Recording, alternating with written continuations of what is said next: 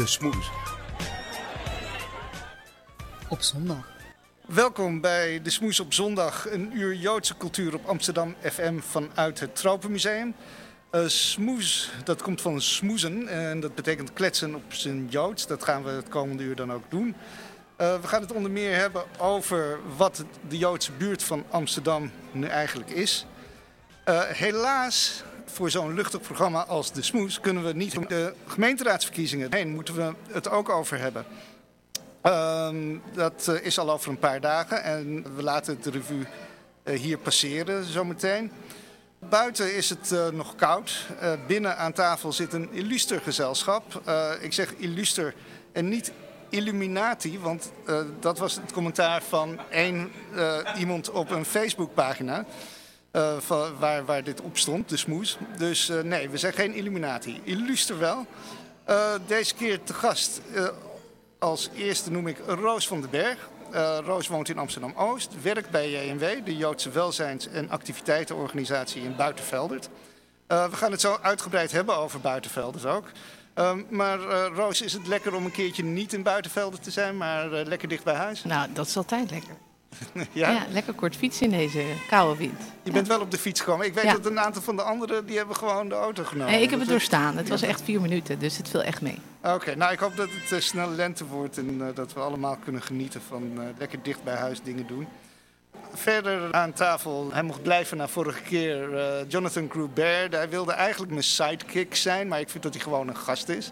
Dankjewel, maar ik vind mezelf een sidekick eerder. ik, vind, ik, ik, wilde ooit een sidekick in, in mijn leven zijn en nu is het zo geworden. En het feit dat, dit, dat dat niet mag van jou, Ferry, dat vind ik heel erg. Ah, alles mag, alles mag bij de smoes. Goed. En verder ook uh, Juri Matteman. Uh, woont ook niet hier ver vandaan in Oost, uh, maar is opgegroeid in Buitenvelden. Daar zullen we ook meer over horen. Hij werkt als hoofd educatieve ontwikkeling bij Naturalis in Leiden. Nou ja, daar kan je ook niks aan doen dat je naar Leiden moet, goed. Maar ze, ze hebben daar in Leiden hebben ze ook ooit een, de Tyrannosaurus Rex Trix tentoongesteld, geloof ik. dat was toch bij jullie? Ze staat nu in Barcelona tot uh, volgend jaar juni en dan komt ze weer terug naar Naturalis. Heb je tricks van dichtbij kunnen zien dus? Ja, ja, ja ik heb heel veel uh, tricks van heel dichtbij horen zien en, en, en gezien. Vertoont zo'n dinosaurus nou overeenkomsten met uh, mensen uit de politiek in Amsterdam of uit de Joodse gemeenschap? Um, ik weet niet, laten mensen wel eens hun tanden zien in de politiek of in de Joodse gemeente? Want dan lijkt een T-Rex behoorlijk op mensen. Oké. Okay. Hij heeft hele kleine armpjes. Ja, het is heel, ja, ze zijn niet zo heel erg... weet je, ja. Wat zeg je? Is het een Joodse dinosaurus? Nee, ze is genoemd naar, uh, naar Beatrix. Eigenlijk. Dus nee, nee, het is eigenlijk naar, onze, naar de prinses is ze genoemd. Okay. Ik weet niet of ze Joods is. Vraag me het af. Nou hoorde Rosalie al, uh, Rosalie Rottenberg-Anstad, uh, historica onderwijzer ook. Um, Rosalie uh, weet veel van de geschiedenis onder meer van de Amsterdamse Joodse buurten. Um, en ze is ook nog de schoondochter van PvdA-corrivé Felix Rottenberg. Daar ook kunnen we nog. ook ja, ja. kunnen we niet omheen. Ja, ja, ja, ja, ja. dus uh, heerst er een soort partijdiscipline in de familie? Um, nee. Daar kan ik heel kort over Je mag zijn. stemmen wat je wil. Ja, ik mag zeker stemmen wat ik wil. Ja, absoluut. Okay. Ja, en ik kan je ook alvast verklappen dat het niet P van de A is. Oh, nou... Ik, de familie. Ja, ja, ja. ja, dat vind ik niet mooi. Maar nee. goed. nou ja. Uh, zelf ben ik uh, Ferry Bierman, journalist en hoofdredacteur van onder meer, uh, onder meer hoofdredacteur van het Joods kwartaalblad Benjamin van JMW. Um, we gaan het dus hebben over de politiek. We kunnen er niet omheen, drie dagen voor de verkiezingen. Um, ik denk eigenlijk zelf dat de meeste Joden zullen stemmen net als bij de landelijke verkiezingen voornamelijk over dingen die, die niet specifiek Jood zijn. Maar er zijn ook in Amsterdam toch wel uh, een aantal discussies gaande. Onder meer over het veiligheidsgevoel van Joden in de stad. over de beveiliging van Joodse instellingen. Over zeg maar de vrees voor een toename in het antisemitisme.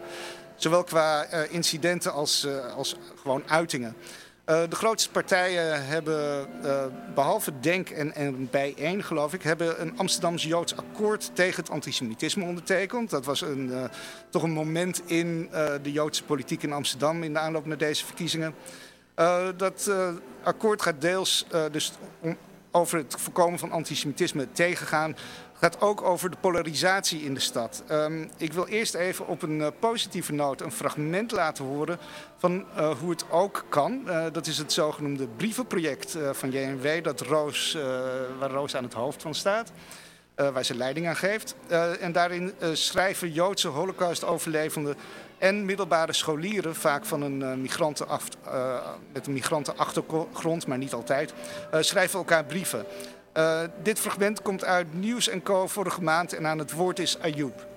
Um, wat ik er heel erg mooi aan vond is, um, ik zag Amsterdam op een totaal andere manier. Ik zag Amsterdam op de manier hoe zij het zagen in die tijd. En dat was heel erg bijzonder. Bijvoorbeeld, we gingen naar de Schouwburg, de Hollandse Schouwburg. En wij zien dat als gewoon een, ja, een monument voor, jo voor Joodse holocaust. Um, ja, de doden van de holocaust. Maar voor hun was dat, uh, het was een schouwburg voor hun. Voordat we, voor hun was dat een uh, verzamelplek voor de Joden. Dus we zien daar ook uh, verschillen tussen de jongeren en de ouderen. En dat, maar dat je fietst daar nu nooit meer op dezelfde manier langs, denk ik? nee, nee. Ik zie, ik, zie nu, ik zie het nu wel anders voor me, ja. Dat was dus een fragment uit Nieuws Co. van vorige maand, uit februari. Um, Roos, eh, denk je dat dit soort projecten helpen ook om begrip te kweken tussen de verschillende bevolkingsgroepen in Amsterdam? Um, dat, dat denk ik wel. Het kan in ieder geval geen kwaad. Het is een klein project met hopelijk heel veel impact op veel mensen. En ze krijgen allemaal aan het einde van zo'n project hun brieven gebundeld in een boekje. En zo'n boekje bewaar je, want daar sta je zelf in. En dat hebben we laten maken met het idee van dan blijft het niet alleen maar bij de leerlingen en bij de ouderen zelf, maar dan kunnen ook ouders, grootouders, neefjes, nichtjes um, dat is lezen. En als je tien jaar later eens op kamers gaat, dan neem je altijd een, je eerst geschreven boek altijd mee. Dus dat blijft tot einde der tijden ergens in een boekenkast staan. Uh, ja. Of het polarisatie tegengaat, het helpt wel, zeker. Want je hebt wel begrip en je praat met iemand waar je nog nooit mee hebt gepraat zowel de ouderen als de jongeren praten met iemand waar ze nog nooit mee hebben gepraat. Vanuit het standpunt van, van uh, die Joodse ouderen die toch soms misschien uh, erg gevoelig zijn voor uitingen van antisemitisme. merk je dat, uh, dat die meer vertrouwen krijgen in andere mensen in de stad als ze spreken met die jongeren en dat die jongeren misschien een ander idee krijgen van, van Joden? Nou, ik moet eerlijk zeggen dat de ouderen die meedoen, dat zijn eigenlijk hele stevige ouderen. Dit zijn niet van die bange ouderen. Dus die staan al open. Um, die zijn, ze zijn niet angstig. Um, maar ze doen het wel met de, het idealisme van dit mag nooit meer gebeuren. De, de, de oude, hoe ik de ouderen om Um, ja, uh, via mijn werk. Ik werk voor een Joodse welzijnsinstelling. En als ik iemand zie die een beetje pittig is en, uh, en leuk en open staat... en voor 45 geboren is en een Joodse achtergrond heeft... dan, dan vraag ik of ze mee willen doen. En dan uh, stuur ik ze een boekje op en dan praten we erover. En dan, ja, dan doen het, 9 van de 10 doen dan mee, want die vinden het een heel mooi project. Ja. En ontmoeten ze elkaar ook? Wat zeg Hoeveel scholen doen er mee? We doen twee scholen mee per jaar. Dat is heel weinig. Mm -hmm. um, maar het is een gigantisch project... Um, dus er, ja, zoveel ouderen hebben we helaas niet meer. En, um, en het is ook best een kostbaar project. Ja. Je zou, het ook andersom kunnen, sorry, je zou het ook andersom kunnen doen. Hè? Je zou ook de Joodse scholen met uh, bijvoorbeeld islamitische ouderen kunnen laten praten. Zou dat iets zijn wat jullie kunnen doen? Want dat lijkt mij ook wel heel, Goed idee, heel sterk. Ja, dat, zou, dat zouden we ook kunnen doen. Maar we willen niet per se op Joods en islam inzetten. We willen breder Oké, andere ouderen, sorry, um, zei ik islam, ik bedoelde welke ouderen dan ook. Maar, ja, zou kunnen. Ja. ja. ja. Um, hoe vinden jullie dat zoiets vergelijkt met zo'n uh, politiek akkoord als een Amsterdams-Joods akkoord? Dus je hebt uh, allerlei initiatieven, zoals het brievenproject, om elkaar beter te leren kennen. En dan heb je zo'n Amsterdams-Joods akkoord dat uh, specifiek van de politieke partijen, van de gemeente, van de overheid eigenlijk een oplossing eist voor de spanningen in de, in de stad. Wat, wat vinden jullie? Wat vind jij, Roos? Ja, ik vind het altijd ingewikkeld om. A, het is ik vind het altijd toch een beetje nep. Nou, het is niet heel aardig om te zeggen, maar het is verkiezingen en we, he, opeens komen de Joden weer bovendrijven. Terwijl er al lang huisjes voor, hè, maar als José voor de, de Joden komen altijd bovendrijven. Ja, um, dat vind ik een beetje nep. Een beetje niet, ja, niet netjes. Ja. En um, um, wat houdt dat in, zo'n akkoord? Ja, hè, ik bedoel, ja. ja. Het is makkelijk gezegd. Hè? Ik, ik zelf denk ik eigenlijk dat dit soort dingen zijn, dat dat is wat je moet doen. Met elkaar praten. Een brievenproject bedoel je? Ja, ja, dialogen lost volgens mij bij heel veel problemen op. Zeker als het gaat op een, op een schaal van Amsterdam. Ja, met elkaar praten, kopjes thee drinken, zoals Job Cohen Ja, ik was, ik was groot fan van Job Cohen. Ja, ik ook. Ik wel zeggen. En daarna toch elkaar weer in elkaar trappen. Dat gebeurde, dat, dat is niet waar. dat, is helemaal, dat is helemaal de realiteit niet. Ik denk daar wel wat anders over. Nep of niet, um, ik vind het toch wel een heel goed signaal. Want ik vind het uh, belangrijk dat uh, ja, de spanningen die er zijn, dat die ook gewoon een, uh, ja, specifiek genoemd worden. En ik vind het dus heel erg mooi dat ze wel zo'n akkoord met elkaar hebben gesloten. En jammer dat niet alle partijen uh, zich daarbij hebben aangesloten. Ja, jij, jij, was pas bij die bijeenkomst in restaurant Hakarmel, ja, waar klopt. die incidenten ja. En dat was een um, bijeenkomst met politici over het antisemitisme. Klopt, ja. we waren met ongeveer twintig jongeren. Ik, weet, ik denk dat ik mezelf ook nog onder de jongeren mag scharen. Het schijnt dat de definitie tot en met 35 is, dus ik hoor er nog net bij. Wat, um, even opscheppen hier. Uh, Twee politici waren erbij aanwezig. Um, eentje, um, hoe heet het ook weer, uh, Zegers van de ChristenUnie. En um, nu ben ik haar, volgens mij Dilaan heet ze geloof ik, van VVD. Zij waren aanwezig, Tweede Kamerleden. En dan ook nog twee gemeenteraadsleden waren erbij aanwezig. En verder ongeveer twintig jongeren waren er aanwezig. En het onderwerp was antisemitisme. En um, ik vond het uh, echt shocking uh, welke verhalen ik allemaal daar heb gehoord. En uh, ik kwam er echt een beetje ondaan vandaan. Ja, nou, er is ook nog een andere mening. Sorry, ik weet dat Jonathan nog niet erover... Maar er is ook een andere mening die inderdaad... Ehm, die, die verder gaat dan wat Roos daarnet zei, ook veel verder dan wat Rosalie uh, en, en, en Jury zeiden, uh, die echt uh, zich zeer afzet tegen zo'n akkoord, tegen waar het voor staat, tegen specifiek het, um, het antisemitisme benoemen. En ik heb gesproken met Hila Dayan. Zij is van Israëlische afkomst, is Israëlisch, woont hier al een lange tijd. Ze is socioloog, doseert onder meer Comparative Democracy aan de Universiteit van Amsterdam. Het is problematisch om alleen van antisemitisme een punt te maken zonder een, een, een, een, een begrip dat racisme, dat antisemitisme is, is een, soort, een soort racisme, maar de geweld of de haat of de slachtoffers van racisme zijn meestal niet Joden. Ze zijn niet de slachtoffers van, van onze politieke klimaat uh, op dit moment.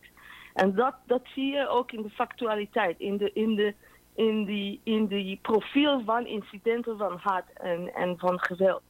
Dat is niet een profiel waarbij uh, ja, uitsprong dat uh, de meest bedreigende uh, deel van onze samenleving zijn de Joden. Dat is absoluut geen spiegeling van de realiteit. Maar er zijn niet zoveel dus Joden dat, meer natuurlijk.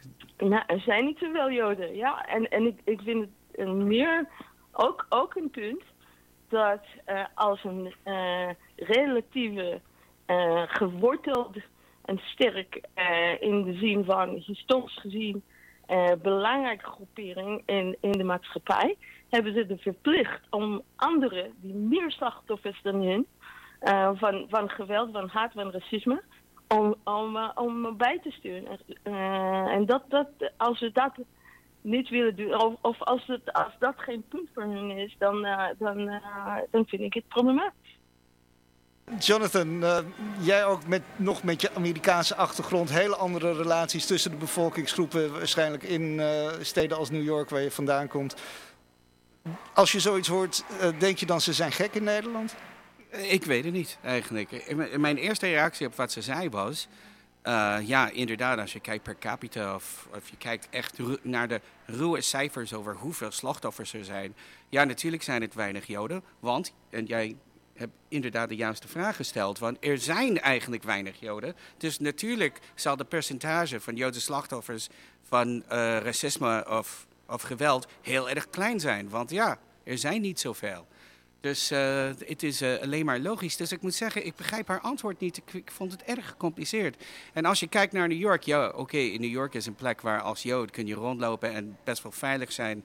Uh, in mijn buurt was minstens uh, 40, 50 procent van de mensen Joden. Dus ik had geen gevoel dat ik onveilig was. Alhoewel, ik moet zeggen, de eerste keer dat ik kijk heb gehoord, dus het scheldwoord tegen Joden in, in, uh, in het Engels. Kijk, ja. Uh, de eerste keer dat ik dat in mijn leven heb gehoord was in een kosher pizzeria. Dus uh, go figure. maar inderdaad, ik voelde me daar veilig. Maar ik kan me voorstellen dat hier in Nederland weer een totaal ander idee is van veiligheid als, als je een Jood bent. Vanwege natuurlijk de geschiedenis, uiteraard. Maar ook door het feit dat tot de dag van vandaag dat dit een kleine bevolkingsgroepering is. En natuurlijk ook als Jood mag je nooit te comfortabel worden. En dus in, vanuit mijn Amerikaanse standpunt is er net gebeurd in de Verenigde Staten weer die opleiding van extreem rechts. En de mensen die liepen door Charlottesville in, uh, in Virginia en die, die, die scandeerden Jews will not replace us. Joden zullen ons niet vervangen. En ik vond het eigenlijk heel erg gezond dat dat gebeurde. Want uh, Joden in de Verenigde Staten zijn iets te comfortabel geworden. Dat mag eigenlijk niet. En dit was weer een waarschuwing. Dat is echt een hele gekke opmerking, toch? Want, Waarom? Um, omdat we zijn gewoon, net als alle andere mensen, een bevolking, we zijn een bevolkingsgroep. Um, je, er is van allerlei vreselijke dingen gebeurd. Maar er zijn andere groepen, precies wat, uh, uh, wat Hila Dayan zegt, waar, die het veel die het wat betreft uh, discriminatie veel zwaarder hebben. En wat je wel ziet, is dat we, dat, dat, dat we of het nou Amerikaans of Nederland zijn, een groep die heel goed verankerd zijn. Dus je zit snel in de media. Dat betekent bijvoorbeeld dat als er een steen tegen een ruit gaat, dan, staat het, dan is het meteen in het nieuws. Het eerste wat ik daar altijd bij denk is, als zoiets gebeurt, vergelijkbaar gebeurt bij een islamitische slager in, weet ik veel, in uh, Deventer, dan haalt het het nieuws niet. En dat is wel vrij. Maar is, dat, is dat echt waar? Dat, weet ik niet. Want, want, als er incidenten zijn tegen bijvoorbeeld moskeeën, dan uh, lezen we daar wel ja, over. Ja, moskee, het, okay, dus dat hangt een beetje van de, uh, van de grootte van de actie af. Mm. Maar het valt mij wel erg op dat je bent, we zijn heel gewoon heel, in principe zit je heel goed in de maatschappij. En het groot in Amerika nog groter. Mijn microfoon, ja. Um, ik heb daar ik heb heel veel verhalen gehoord in Hakkermel. En um, wat ik zelf niet wist, is bijvoorbeeld ook bij MBO-scholen, bij MBO-opleidingen, um, dat daar gewoon heel erg anti-Joods en ook anti-Islam natuurlijk gedacht wordt. En ik zelf um, heb nooit een MBO-opleiding gedaan, dus ik kan daar niet over praten. Maar als ik hoor hoeveel, uh, wat daar allemaal gebeurt, ook mensen die niet samen willen werken met Joodse studenten, en als een Joodse student dat aankaart bij de docent, um, zegt de docent: Ik ga me hier niet mengen in deze discussie, dat zij niet met jou wil werken. En dat vond ik echt chockerend. Mm. En um, je hebt natuurlijk ook gewoon. Uh, ja, ik, in universiteit zal het misschien anders zijn. Hoewel ik ook daar verhalen hoorde over um, hoogleraren die uh, ten overstaan van hele collegezalen een Joodse jongen met een keppel belachelijk maakten. En um, er wordt ook heel veel niet gemeld. Er zijn denk ik heel veel van dit soort gebeurtenissen die niet aangekaart worden en niet gemeld worden. Misschien ook vanwege schaamte of angst. Dus ik denk dat er nog veel meer speelt. En wat ik ook nog even wil zeggen. Um, jij gaf net het voorbeeld dat als er een islamitische slager, als er een steen door de ruit wordt gegooid, dat misschien niet meteen de aandacht uh, uh, haalt of de media haalt. Maar daar is laatst ook ingebroken in een auto. En daar werd op, de, uh, op het raam, op de ruit, werd daar iets van kut Marokkaan uh, gekrast. En dat heeft wel degelijk de kranten gehaald. Dus ik vraag me af of dat zo is. Nou ja, dat weet ik niet. Dat is allemaal, kijk, voor een groot deel is alles wat we allemaal zeggen anekdotisch. Hè? Dus je weet niet wat de tendensen zijn. Ik bedoel, het enige hoe je dat kan weten Het gaat ook als over er, gevoel. Het gaat over gevoel. En ja. dat gevoel is waar. En je wil als je mensen antisemitisch zijn, of als je daarmee te maken krijgt, dan is dat hoe dan ook vervelend. En dan moet je iets tegen doen. En mijn achtergrond denk ik dat educatie altijd de antwoord is. Maar goed, dat is nogal... Nou, dat wilde ik je vragen, want er is dus ook uh, in, het, in dat akkoord staat ook over onderwijs en dat het blijkbaar, en dat, dat weet ik zelf niet, maar dat het blijkbaar moeilijk is om over de Shoah onderwijs te geven op een aantal scholen in Amsterdam. Ja. Als, als iemand die zich echt specialiseert in educatie, wat, hoe zou je dat aanpakken? Wat vind je daarvan? Nee, ik wil, voordat ik daarop antwoord, wil ik even nog zeggen dat ik weet hoe wij vroeger op uh, Maimonides over, uh, over islamieten spraken. En dat is echt niet, dat is er niet altijd fraaier de leraren of Nee, nee, nee, de kinderen gewoon onderling. Hoe je Goed, daarover praat. Dat, dat, en dan eventjes even relativerend voor Hebben we het niet over onderwijs? Dat nee, nee, nee, dat, het is meer op een reactie op dat ieder, bedoel, we lopen allerlei mensen rond met, discriminerende, hè, met discriminerende gedachten. Tuurlijk. Um, waar, ik, nou ja, waar ik heel erg in geloof is het project van Roos. Dat zijn het type projecten wat je wilt doen. Mensen bij elkaar brengen en begrip krijgen. Ik, heb je ooit die documentaire Promises gezien? Van, ja, uh, mooi. In, uh, dat, in een Israëlische documentaire waarbij Palestijnse jongeren en Joodse jongeren bij elkaar worden gebracht. En dat is denk ik voor de... Palestijnse en Israëlische? Israëlisch, sorry. Israëlische jongeren. En dat is denk ik na de Tweede Intifada. Rond de tweede, nee, weet ik niet meer. En het begrip wat tussen die kinderen komt, hoe jong ze ook zijn, hoe ze gewoon gaan spelen. Ik denk echt, kijk, Onbekend maakt onbemind. Ja, dat heel is erg. cliché, maar dat Dus is hem. Mensen bij elkaar brengen op een manier die veilig is. Ja, daar ik heb daar veel rondgelopen in, in die landen en in die buurt. En ik eh, vind het fantastisch dat je dat soort eh, initiatieven hebt. En dat is ook absoluut nodig. Maar ehm, vaak zijn dat soort problemen heel diep verankerd eh, in de realiteit. In, in gewoon de politiek en, en de problematiek. En, en zoals ooit een redacteur van mij zei, eh, real estate. Dus gewoon onroerend goed in, in dat geval. en, eh, eh, en, en, ja, en toch ook houdingen die diep in, in mensen kunnen, kunnen zitten vanwege hele lange tradities. En wat dat betreft is natuurlijk het antisemitisme is, is in het Westen een lange traditie. Ik vind vaak dat, we, dat ik mensen eraan moet herinneren dat Joden toch de enige, samen met de Roma, en, en, maar toch ook eh, dat, dat de enige genocide op Nederlandse bodem, eh, dat, zijn, dat, is, eh, dat is tegen de Joden geweest uiteindelijk. Eh, mogen we daar niet bij, een, dan een, een klein beetje, mogen we daar niet gevoelig over zijn? Ja, ja, heel, ju- juist wel. Ja, je moet, volgens mij moet je, hoe dan ook, als het gaat over discriminatie, daar iets tegen doen. Ik denk dat we, als je kijkt naar wat JMW kan of doet, dat soort projecten, hè, dat je een netwerk hebt en kennis hebt die anderen niet hebben. Dus je kan er ook heel veel van leren voor de rest van de, van de maatschappij. Dus ik denk dat je er heel voorzichtig in moet zijn. Ik denk ook dat als je vraagt aan mensen, ik, ik, dat, toch als je vraagt wat men- nou ja, waar mensen een hekel aan hebben, dan komen Joden altijd terug, ook als ze geen Joden kennen. Hè, dat staat vrij hoog. Ehm, dus het is hoe dan ook een probleem. De- ik snap wel een beetje wat Hilla de Jan zegt, is ehm, wat zijn de werkelijke problemen van de We moeten samenleving? niet blind zijn voor de rest van, van de problemen in de samenleving. Ja, En, niet en doen even, alsof... Ja. en eventjes over waar, hoe diep het zit. Op een tienjarige, voor een tienjarige zit dat natuurlijk helemaal niet diep. Wat je, bedoel, dat krijg je mee van thuis. Nou, dat Ehm, kan toch behoorlijk diep ja, zitten? ja. als je juist erbij diep krijgt. dan, denk ik. Nee, maar daar kan je, daar kan je dus nog echt dingen mee Ik heb doen. mooie voorbeelden die mijn dochter al meebracht hoor. Wat? Nou ja. Nee, maar ik bedoel niet over dat het Nou, niet diep zit discriminatie. Ja, noem- noem- ja, maar ik bedoel dat je nog mensen bij elkaar kan brengen. Noem eens de voorbeelden. Ja. Over een antisemitisch incident. En is dat Ja. antisemitisch? Want ik vind vooral dat we ons niet bang moeten laten maken om het maar hier Mhm. heel lang over te hebben. Ehm, eh, mijn dochter was vorig jaar zeven en eh, die, zit, die zat met een, eh, een jongetje in de klas. En dat jongetje zei tegen haar, eh, alle Marokkanen haten Joden. Nou, mijn dochter is gelukkig nog niet bang aangelegd en heeft die gevoeligheden nog niet. Daar doe ik heel hard mijn best voor. Ehm, en toen haar antwoord was, eh, nou zegt ze, dat kan helemaal niet, want er zijn ook Marokkaanse Joden. Nou, dan denk ik, eh, zij had geen idee dat dat echt een briljante opmerking was. En dat ik hem gewoon nu op de radio vertel hoe trots ik daarop ben. Ja.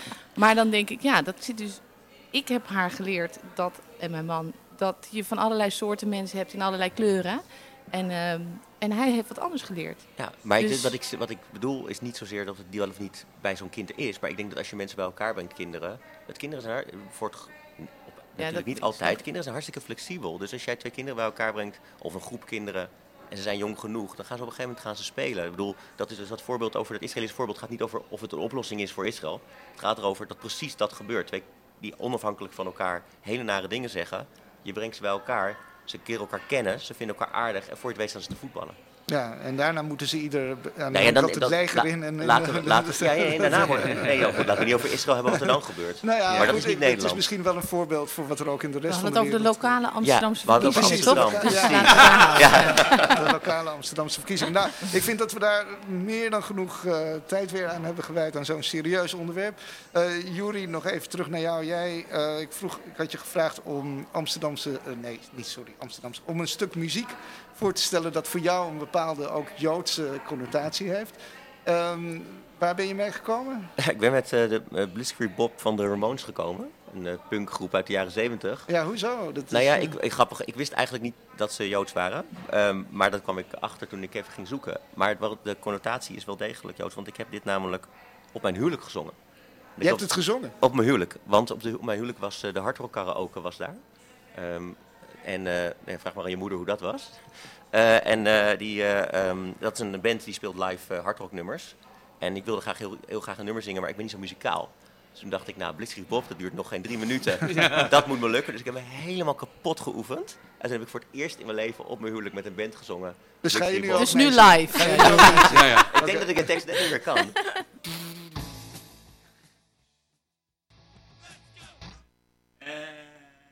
Dat was Blitzkrieg Bob van eh, de Ramones. Eh, Nog van genoten? Ja, hij vindt het geweldig nummer. Je was even aan het meezingen daarnet, toch? Ja, ja, ja, ik kan het nog steeds. Ik kan het helemaal meezingen. kan het nog steeds. Een hele goede keuze, jullie. Dankjewel.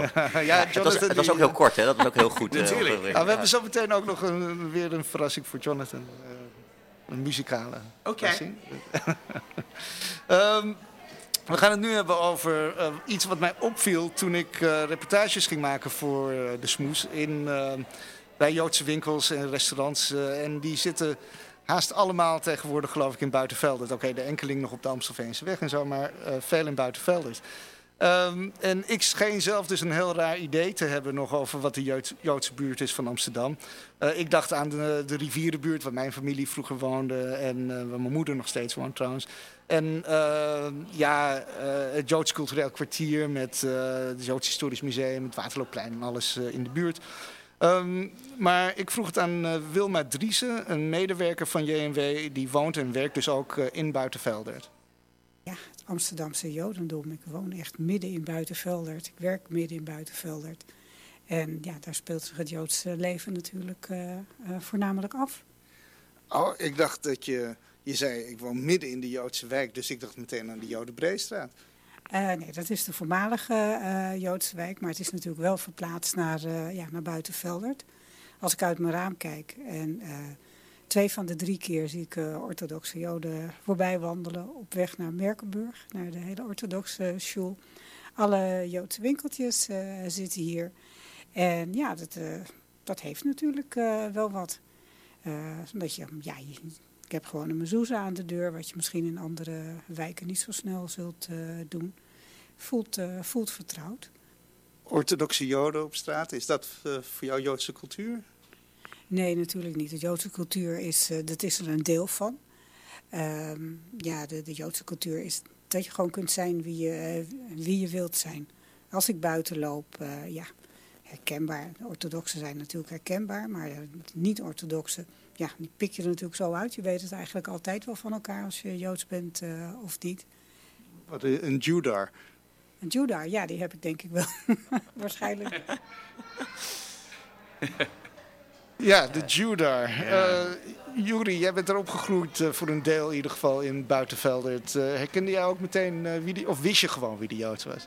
Nou, um, mijn moeder is Benna Matteman, die nog steeds lesgeeft op Rospina. Dat denk ik richting de 50 jaar uh, op Rospina gaat. Dus die kent iedereen. Dus in dat opzicht uh, had je al. Je hoeft het nooit te raden, je wist gewoon. We wisten gewoon niet wat, omdat iedereen mijn moeder kende en andersom. Dus in dat opzicht uh, was het inderdaad heel. Al, al toen al, dus in 89 denk ik dat wij er gingen wonen, was het al heel dorps. Was het, was het een, dor, een, een Joods dorp. Zelfs waren de winkeltjes waren er nog niet zo heel erg. Dat, was, dat begon een beetje toen. Ja, nadat, nadat jullie daar kwamen, kwamen de Joodse winkels ook. Nou, toen, dat misschien wel. Ik, ik, het, ik denk dat toen wij daar kwamen was het vooral, vond ik, ik vond het als twaalfjarige vooral een hele saaie buurt. Want het was alleen maar oude mensen. Je nog vrij saai hoor. Maar twee, maar twee, maar twee, maar twee huizen van ons, om te geven hoe, hoe de Joodse buurt is. We hadden het overgenomen van uh, kennis van mijn ouders, dat huis. Of in ieder geval gekocht van uh, kennis van twee huizen ernaast woonden. Uh, ook een Joods gezin waar we heel goed bevriend mee waren of raakten. Er zat bij mijn broertje in de klas. Dus het was, het was al was al wel het centrum, denk ik, van, uh, van een deel van de Joodse gemeente. Ja. Maar vrij saai dus inderdaad. Ik vond het echt heel erg saai. En het is niks veranderd dus. Uh, ik weet niet, is het nog steeds heel saai? Ik, ik vond het echt heel saai. En als ik vind je dan... het niet mooi en ik vind nee. het saai. Het is alleen best groen. En dat, dat ja. is ja. mooi aan Buitenveldert. Maar het Gelderlandplein is heel, is heel leuk. Ja, heel praktisch vooral, maar gezellig. Maar Roos, jij komt er inderdaad uh, Ja, we zaten eerst in de Laressenstraat, hè? Ik weet het nog, ja. Nou, dat is... Uh, dat is chic ongelooflijk chic. We hadden wel het shabbyste kantoor van de hele Laressenstraat. het wordt nu ook voor uh, miljoenen verbouwd. Ja, uh, miljoenen. Dat was ook wel nodig. um, maar uh, ja, nee, ik bedoel, buitenveld, het is niet gezellig. Nee. Maar het is wel handig. Het, het interessante van mijn perspectief is dat ik, ik heb helemaal geen last van het verleden. Dus uh, als ik op zoek uh, ging naar dingen, bijvoorbeeld de uh, uh, matzenmeel, matzenballen te maken of dat soort dingen. Daar gingen, of uh, kaarsen voor uh, mijn Hanukkah. Dan werd ik gewoon genoodzakt om gewoon echt te gaan zoeken. En ik kwam terecht meteen op de Kastelenstraat. Dus ik heb het eigenlijk nooit anders ervaren. Amsterdam. Ik ook niet. Nee, dat is echt de, de, de Joodsbuurt van mijn, mijn moeder haalt al sinds jaren en dag haalt ze galles uh, op de, in de, de Kastelenstraat. Ik uh, kwam erachter dat een bakkertje, bakker bij mij om de hoek, een nieuwe bakker, dat die gallen verkoopt op zaterdag. Super nutteloos eigenlijk, het moet op vrijdag. Het is gewoon seculier, is fijn. en, toen, en toen zei ik iets tegen hem, toen zei hij... Ja, maar in Buitenveld heb je daar echt handel in. Dat vond ik zo grappig. Gewoon een, een, een, willekeurige bakker die dat zegt. Ja, Buitenveld snap ik dat ze daar gallen Maar bovendien is het wel vers op zaterdag. Vooral die joden die het niks kan schelen of ze geld uitgeven. Nee, nee, nee. Ik vind het niet erg dat op zaterdag is. Het meer een soort romantisch Mijn beeld. bakker ook. Ik heb zelfs twee bakkers die galles verkopen. Ja, en dat is ook al gallen met een G. Dat vind ik ook altijd dat is in Galbrood. Maar dat is in Oost. Waar je... In Oost, ja. ja. Dus is Oost toch nog steeds een beetje Joods? Nou, weet ik niet. Bij mij is het, het op het Kadijksplein is het bij mij. Oh, maar op de Middenweg. Op de Middenweg, oké. Uh, Rosalie, die, uh, die als historica uh, kijkt ze nu ook naar Joodse wijken in Amsterdam, toch? Ja, ik, um, ik kom zelf echt nooit in Buitenveldert. Um, ik, daar ben ik ook niet opgegroeid. Ik ben opgegroeid in Oud-West. En West is volgens mij ook voor de oorlog nooit echt een Joodse buurt geweest. Er woonden heel weinig Joden. En, um, maar ik vind het wel heel erg interessant om te lezen over vooroorlogs Joods Amsterdam. En waar was dat uh, vooral? Um, nou, voor een groot deel. Het begon natuurlijk vooral in de, in de oude Joodse buurt, de Jodenhoek. Dus dat is eigenlijk hier uh, in de buurt van de Weesperstraat en de Waterloopplein en de straatjes daaromheen. En um, rond 1900, maar misschien begon het al iets eerder, zag je ook dat uh, Joden die zich dat konden permitteren, die wat uh, opklommen, ook financieel, die gingen ook in uh, nieuwe buurten wonen. Dus die gingen richting de Pijp. Die gingen ook veel in Oost wonen. De Blaasjesstraat was echt een straat waar heel veel Joden woonden. Um, dus um, het, het ging zich verspreiden eigenlijk. En in de plantagebuurt, hier in de buurt waar we nu ook zitten, daar kwamen ook weer Joden te wonen die het wat beter hadden. Dus de wat rijkere Joden gingen in deze omgeving wonen. Um, maar de, de oude Jodenbuurt, of de Jodenhoek zoals het ook wel werd genoemd, daar woonde toch ook nog een heel groot deel van de Joodse Amsterdam. En dat was een arme buurt relatief? Een hele arme buurt, ja zeker. Ja. Je had nog de iets. Uh, er woonden nog wel um, de wat rijkere en de wat armere Joden woonden wel dicht bij elkaar. Want de wat rijkere Joden woonden dan op de, aan de grachten. Dus de Nieuwe Keizersgracht, Nieuwe Herengracht. En de armere Joden woonden dan in de steegjes en de straatjes daartussen. En dus, mag ik het, vraag mijn, um, via mijn vader weet ik, die komt namelijk uit de Tilanenstraat. En dat is een, een parallelstraat, een Blasiestraat. Dus dat, en dat is, maar die zei altijd dat de Routerstraat ja. Dat het een gemengde straat was. En ik, wat ik me altijd afvroeg is, waarom, hoe komt er dan, hoe, weet je, hoe kwam er opeens, dus niet arm, ja, arm rijk, maar niet Joods, wel Joods? Ja. Weet je daar iets van? Wat, hoe kwamen er dan opeens midden in die buurt opeens gemengde straten terecht? Of was nou ja, wat ik wel weet um, is dat mensen vaak heel kort op één adres wonen. Dus er was een enorm verloop. Mensen hmm. die gingen vaak na één of twee jaar alweer naar een nieuw huis en dan hadden ze ineens wat beter financieel of dan ging het ineens wat slechter. Dus er werd ontzettend veel verhuisd in die tijd. En uh, ik denk ook niet dat het een uitsluitend Joodse buurt was, maar wel in hoofdzaak. Maar er woonden zeker ook niet Joden tussen. Ik weet niet echt welk proces daar uh, uh, invloed op heeft gehad, maar uh, er woonden ook niet Joden. En je hebt een fragment uit een boek van Multatuli dat je wil voorlezen over ja, hoe dat, dat is een, een beetje um, was. Van Woutertje Pietersen, die gaat op bezoek naar de Jodenhoek. En die geeft een beschrijving, een hele kleurige, beeldende beschrijving van wat hij daar allemaal aantreft. En het is eigenlijk een, een vrij lange passage en ik heb er een, een klein stukje uitgehaald dat ik graag wil voorlezen. Um, en het, is, uh, het komt uit 1879. En wat men daar al vond, daar lag ijzerwerk. De man beweerde niet ijzer te verkopen, hij verkocht roest van ijzer. En zelfs geen verse roest. Hij verkocht oud roest of oud geroest. Of dingen die oud en verroest waren. Gewezen voorwerpen vervreten door roest van oude datum. En op nog lager sport plaatste zich onze koopman. Hij nam de naam aan van de ware waarin hij deed en vond er niets vreemds in wanneer men hemzelf aansprak als de hoogbejaarde oxide van een voormalige spijker. Hij heette Oudroest. Kan het nederiger?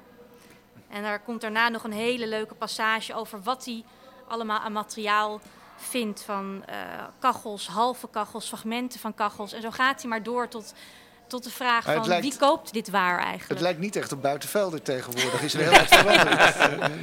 nee, ik bedoel, er was natuurlijk gewoon een enorm Joods proletariaat. En uh, helaas um, heeft die groep de allerkleinste kans gehad om te overleven. Ze hadden geen, geen connecties, uh, geen geld. Um, dus het grootste gedeelte van het proletariaat is gewoon verdwenen. En de Joden die wat financieel wat meer middelen hadden, die konden misschien nog op tijd vluchten. Of die hadden de betere connecties of de sperren die ze konden via werk konden krijgen. Dus ik, ja, ik ben nu zelf ook bezig een boek te lezen van Wij hebben als mens geleefd van Selma Leidensdorf prachtig boek, geweldig. Waarin zij ook nog mensen spreekt die in die buurt zijn opgegroeid voor de oorlog en daar herinneringen aan hebben. Maar we moeten natuurlijk ook kijken, um, het stuk wat ik net voorlas, dat is natuurlijk niet een geromantiseerd beeld. Want het schept eigenlijk een beeld van nou ja, hoe arm het was. Maar um, ja, er zijn ook wel heel veel, uh, zijn ook wel veel verhalen die geromantiseerd worden. En het was natuurlijk gewoon keihard, keihard leven, armoede. Ja. En uh, Jonathan, de, in New York eh, zijn de dingen ook veranderd. Hè? De Lower East Side, wat, wat vroeger de Joodse buurt was, waar je ook ging, waar je nog steeds Cats Deli hebt en dat soort, Cats Deli, dat, dat soort dingen. Uh, dat, dat verdwijnt ook een beetje. Hè? Oh, het verdwijnt echt. Wat, wij, wat wij noemden Dirty Old New York, het oud, uh, oud New Yorks idee. Waarmee ik ben opgegroeid. Ik heb dat een heel klein beetje nog meegemaakt, maar het verdwijnt nu helemaal. Want vroeger, in uh, elke buurt had je zo een, een Joodse deli, had je, tenminste één. En uh, die zijn allemaal verdwenen inmiddels, behalve een paar hele grote, zoals de Second Avenue Deli of wat jij noemde net, Katz's. hoe, dus hoe dat kan dat, dat die zo verdwijnen? Nou, ik, ik, denk dat het een paar dingen is. Is de jonge Joden, want er zijn niet minder Joden. Hè? Er zijn mm. net evenveel als, als toen, misschien zelfs nog meer. Maar um, uh, die eten zo niet meer. Uh, dat uh, is ouderwets verloop. Het is ouderwets en ongezond. En, maar Manhattan heeft geen Joodse buurt meer, toch? Of wel? Nou ja, je zou kunnen zeggen dat de, de, de Upper East Side bijvoorbeeld een Joodse buurt is. Maar dat zijn echt rijke mensen die daar wonen. Uh, wat gebeurde was, je had vroeger, toen de Joden nog immigranten waren, had je ghetto's. Daar is mijn vader bijvoorbeeld opgegroeid in Brownsville, in East New York, zoals dat heette vroeger. Maar die, die Joodse ghetto's zijn natuurlijk helemaal verdwenen. Joden zijn gewoon Amerikanen geworden uh, en zijn verhuisd. Ze, zijn, uh, ze, doen, ze gaan naar de universiteit, zijn kinderen vertrekken uit de stad of komen juist terug voor een hele goede baan. En uh, dus die, die maatschappij die je vroeger hadden, van dat was een immigranten ghetto maatschappij. Die is echt verdwenen nu. De Joden zijn gewoon in Amerika gewoon Amerikanen geworden. Ik sprak, uh, jaren geleden was ik op een, hadden we een prijs gewonnen met mijn werk. En toen waren we naar New York voor een studiereis. En toen sprak ik een uh, wiskundehoogleraar daar, Joods. en, ik ook, en die vertelde dat van oudsher doen Joden het heel erg goed in Amerika op scholen. En dat, nu zie je dat er Aziaten opkomen. En zijn theorie was, en dat vond ik heel sterk, die zei... Ja, als je als minderheid binnenkomt en, en hard werken is echt een, uh, is, is iets wat goed is om te doen...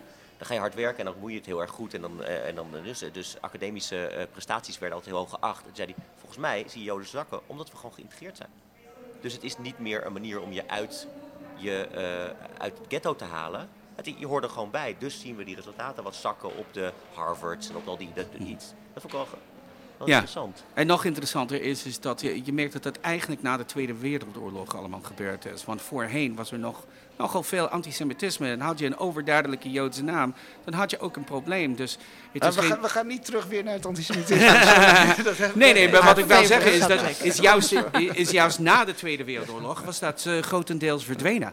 Maar Jonathan, je vertelde ook dat in het straatbeeld, en dat is iets wat we hoorden in de clip van Wilma, uh, dat je herkent de orthodoxe Joden natuurlijk meteen. En dat, jij zei ook dat in New York dat er uh, de herkenbare Joodse wijken zijn orthodox, zijn Hasidisch uh, tegenwoordig. Inderdaad, ja. En zelfs in mijn buurt, wat, uh, waar voorheen veel seculiere Joden woonden, ik merk dat er steeds meer Haredi bij komen. Wat voor, die, die waren er voorheen niet. Um, en ik, ik zie steeds meer Hasidische Joden. Het straatbeeld wordt. Is dat vooral in Brooklyn? Vooral in Brooklyn. Ja, dat is zo'n straat, hè, geloof ik, waar echt... Uh... Niet een straat, nee, hele buurten. Ja, ja, ja, ja, ja. En uh, ik, uh, ik heb een, een dubbel gevoel altijd daarover. Want uh, ik, we zullen het niet over hebben, want dit is een heel lang gesprek over... zijn de Hasidische Joden goede, goed of slecht voor het Jodendom? En het antwoord is uiteraard allebei. um, maar dat er meer zijn, dat is niet te ontkennen. Zeker. Relatief ook. Ja, en ze nemen bijvoorbeeld hele, hele steden of voorsteden van New York... die nemen gewoon geheel over. Maar wat wel zo is... Net zoals Buitenvelden. Ja, net zoals Buitenvelden. maar, maar wat wel altijd opvalt in New York is dat in, gewoon, als je in Manhattan bent... dan, ik heb altijd het gevoel, volgens mij is de beste plek om te wonen als Jood als je daar, uh, als je, als je, is, is New York. Ik bedoel, niet, want als je in Manhattan woont, mensen met keppels, je ziet overal Joden lopen. En die bedoel ik niet alleen maar orthodoxe Joden, maar ook gewoon iemand die een keppeltje ja. heeft.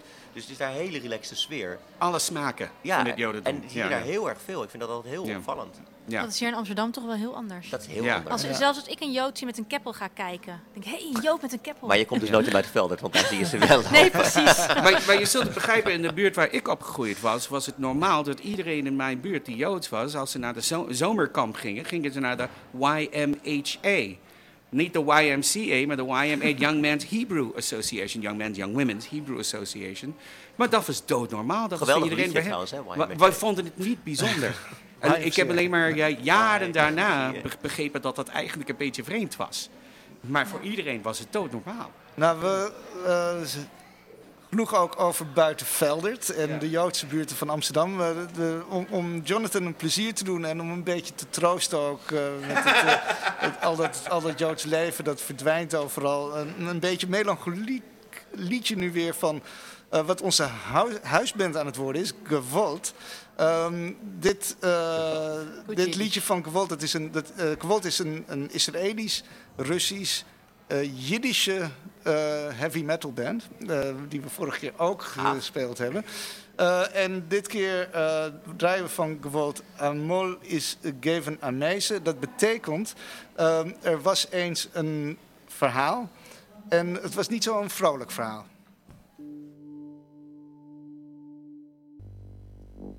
Uh, dat was Gewalt met Amol is geven Ameise, als ik het goed uitspreek. Um, we hebben nog uh, nou, uh, een kleine tien minuten voor nog een vragenrondje. Uh, ik wilde zelf eigenlijk een paar onderwerpen voorstellen. Als iemand iets heeft waar ze dringend over willen praten... wat de afgelopen weken gebeurd is in Joods Nederland... dan afgezien natuurlijk van alle politieke jouw programma. Nee, nee, het is de, voor de gasten, dus uh, nee, zeg maar. Nee, kom maar. Nee, nee, nee. Kom maar. Nee, graag jouw onderwerp. nou ja, ik vroeg me af of jullie gezien hebben. Uh, ten eerste dat er in Duitsland dat, uh, de Deutsche Bahn een trein wilde vernoemen naar Anne Frank. Ja, zeker, ja. ja, zeker. Ja, dat hebben we zeker gevolgd. Ja, wel humoristisch, toch, op een bepaalde manier. Het is niet mijn humor, oh, eigenlijk. Ja, ik, ik, zeg maar, ik snap zeg maar, hoe... Het is zo krankzinnig, dat ben ik helemaal met je eens.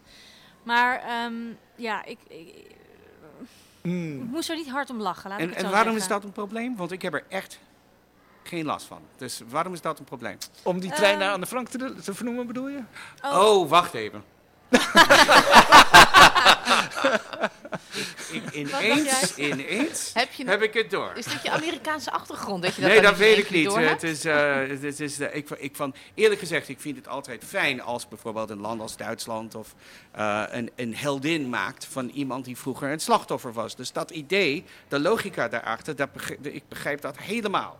Dus uh, wat mij betreft mogen de Duitsers heel veel dingen naar Anne Frank noemen. Want dat maar waarom is... altijd Anne Frank? Maar waarom een, vraag, hoor, in, maar... maar... inderdaad, een trein ja. is bijzonder problematisch. Ja, ik inderdaad. Bijzonder. Ja. En daar kan je om lachen, maar je kan er ook enorm van schrikken. En, ja. Uh, ja. Wat schrikken? Nou ja, schrikken, god ja. Dat klinkt ook weer zo overdreven. Maar ik vond het gewoon...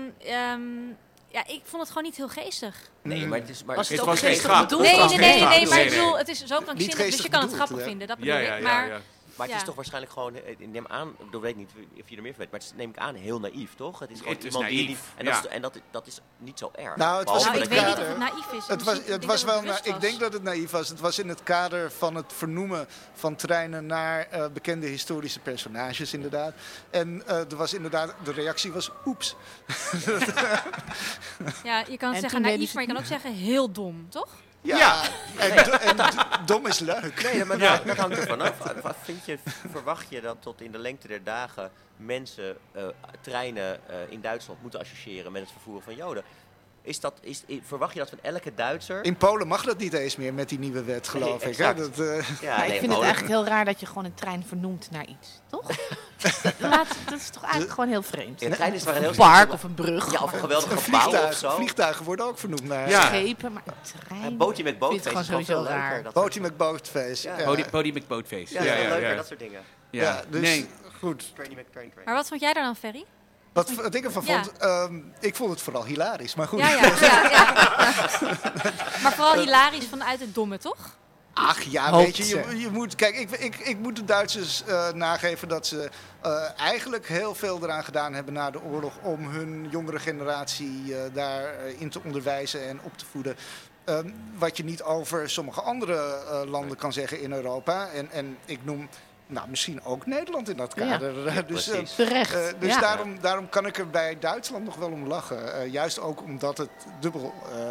Ik, als, je met, als je met Duitsers praat, Duitsers van mijn leeftijd of jonger, studie, dat is echt dat collectieve schuldgevoel is er. En dat ik bedoel... Dat, Hebben we het nou weer over die Tweede ja, nee, nee, nee, Oh ja, weg ermee. Oké, we gaan door. Ja, we hadden het over een trein en Anne Frank, dus dan moet het wel. Ja, mijn fout. Had ik niet moeten doen. Uh, we gaan even nog over op een uh, ander onderwerp. Uh, dat is dat er, was een, er was een postercampagne Vrije Partnerkeuze in Rotterdam... waar onder andere ehm, twee mannen met elkaar kusten om te laten zien dat dat uh, moet, moest kunnen.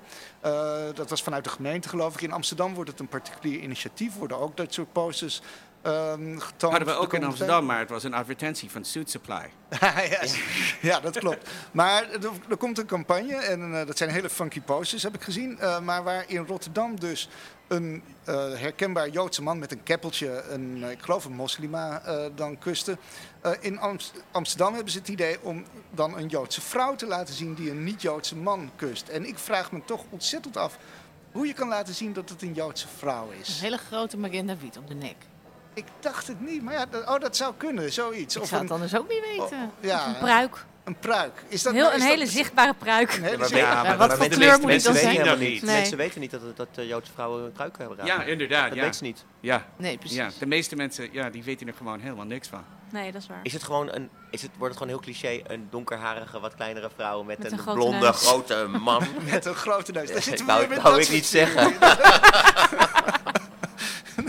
nou ja, ik geloof dat we allemaal wel een klein beetje het probleem uh, ja. zien van hoe je uh, kan laten zien dat het een Joodse vrouw is. Voelen, voelen jullie, als je in buitenveld het loopt of ergens anders, dat je meteen herkend wordt als Joodse vrouw?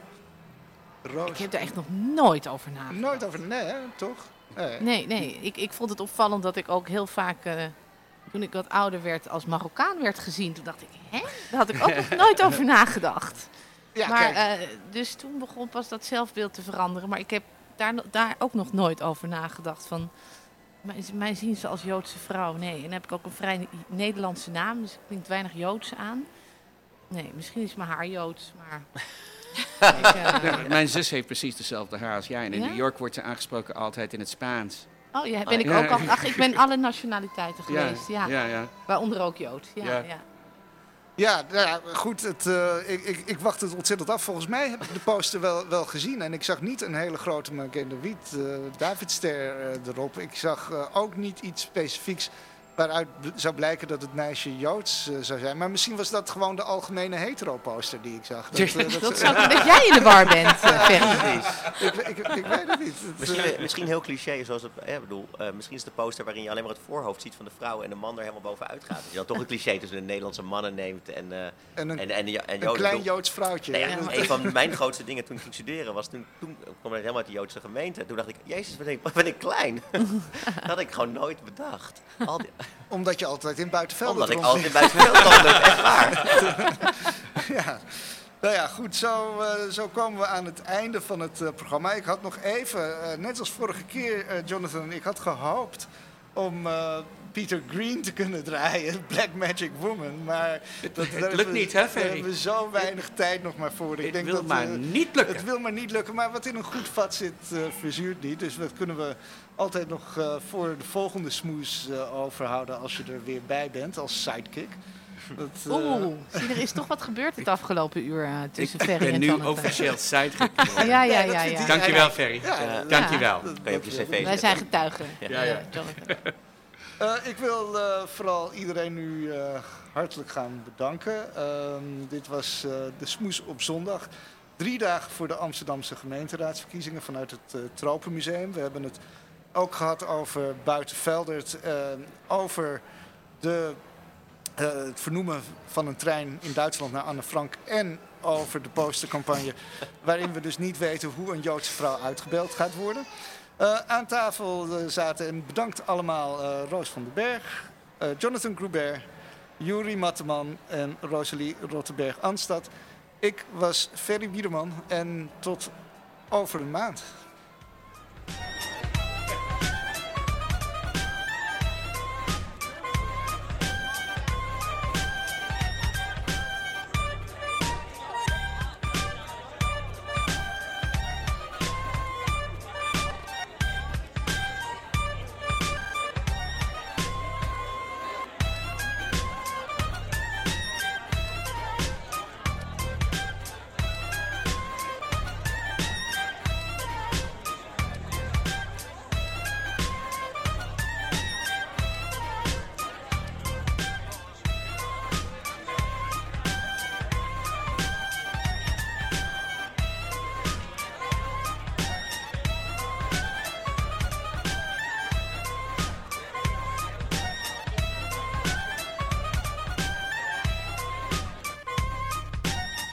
No time, time to lose. We wanted to incite our opponents and, if necessary, to create new opponents for ourselves.